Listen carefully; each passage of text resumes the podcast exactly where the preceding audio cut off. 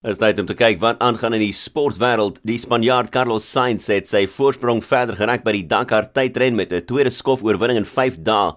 Sainz is natuurlik 'n tweemaal Dakar wenner en hy het byna 3 minute geëindig voor sy naaste teestander en verdedigende kampioen Nasser Al-Attiyah, wat beteken dat Sainz nou 'n algehele voorsprong het van 5 minute en 59 sekondes. 'n 12de loopbaan honderdtal deur Grant Thompson was die fondasie gelê vir 'n goeie vertoning deur die Titans op die laaste dag van hulle 4-dag wedstryd teen die Warriors wat onbeslis geëindig het op SuperSport Park in Centurion.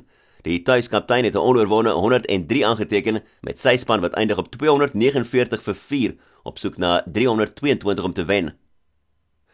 En die Proteas veelsidige speler Senoran Matusami het sewe tweede beurt paaltjies geneem met die Dolphins wat verras het met 137 loopie oorwinning oor die Cape Cobras in Oudtshoorn. Dis na Grant Olofsson uit is vir 142 met die Dolphins wat aan die gasheere 'n wenteken gelaat het van 224 voordat hulle die Cobras uitgebou het vir net 86.